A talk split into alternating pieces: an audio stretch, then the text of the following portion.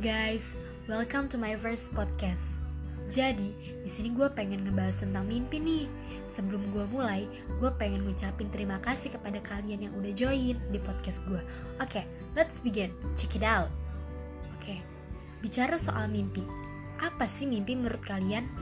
Kalau menurut gue, mimpi itu adalah sesuatu pencapaian yang harus dicapai. Misalnya, gue pengen jadi pengusaha nih ya gue harus punya modal dulu dong supaya gue bisa punya usaha. Pada intinya, semua yang berkaitan dengan pencapaian itu harus ada step-stepnya, harus ada prosesnya. Misalnya, anak bayi lahir langsung bisa ngomong apa enggak? Ya enggak dong, dia harus nembung gigi dulu. Bahkan untuk berjalan pun dia pasti mulai dari merangkak dulu. Nyoba untuk berdiri, terus jatuh, berdiri lagi, pasti semua itu ada prosesnya. Kalau boleh tahu, apa sih mimpi kalian? Udah sampai mana usaha kalian untuk mencapai titik? Apa mimpi bisa dikaitkan dengan gender?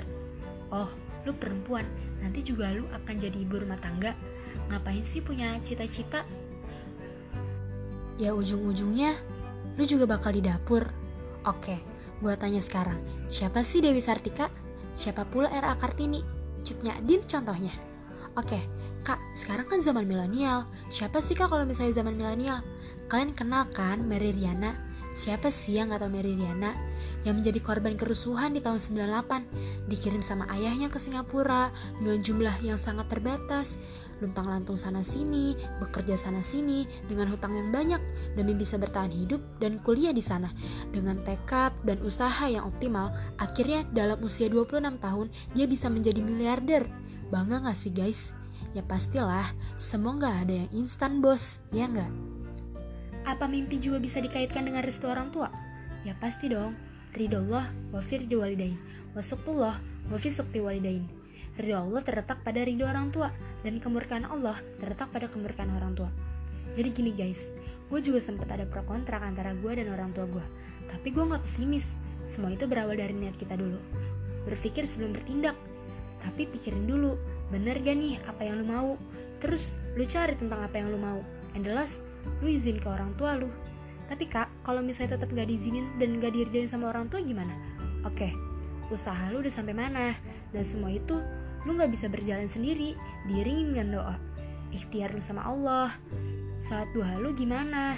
Rutin apa enggak? Hajat lu lancar apa enggak? Jangan deh, saat lima waktu, on time apa enggak? Jangan sombong bos sama yang di atas. Detik ini kalau Allah udah bilang kun, ya pasti bakal kun. Gak ada nego lagi dah. Duh ya Allah, aku belum sukses.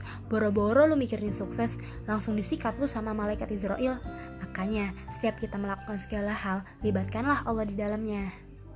Tenang guys, roda selalu berputar kok. Kadang lu di atas, kadang lu di bawah. Sekarang lu pikir nih step-stepnya, ikhtiar banyakin, dan imbangin juga sama doa sering-sering diskusi sama orang biar mata lu terbuka karena di dunia ini lu hidup gak sendiri banyak zikir salawat penting tuh Oke, sekian dari gue. Bitaufik Wan aja. Jangan lupa bahagia untuk hari ini. See you next time.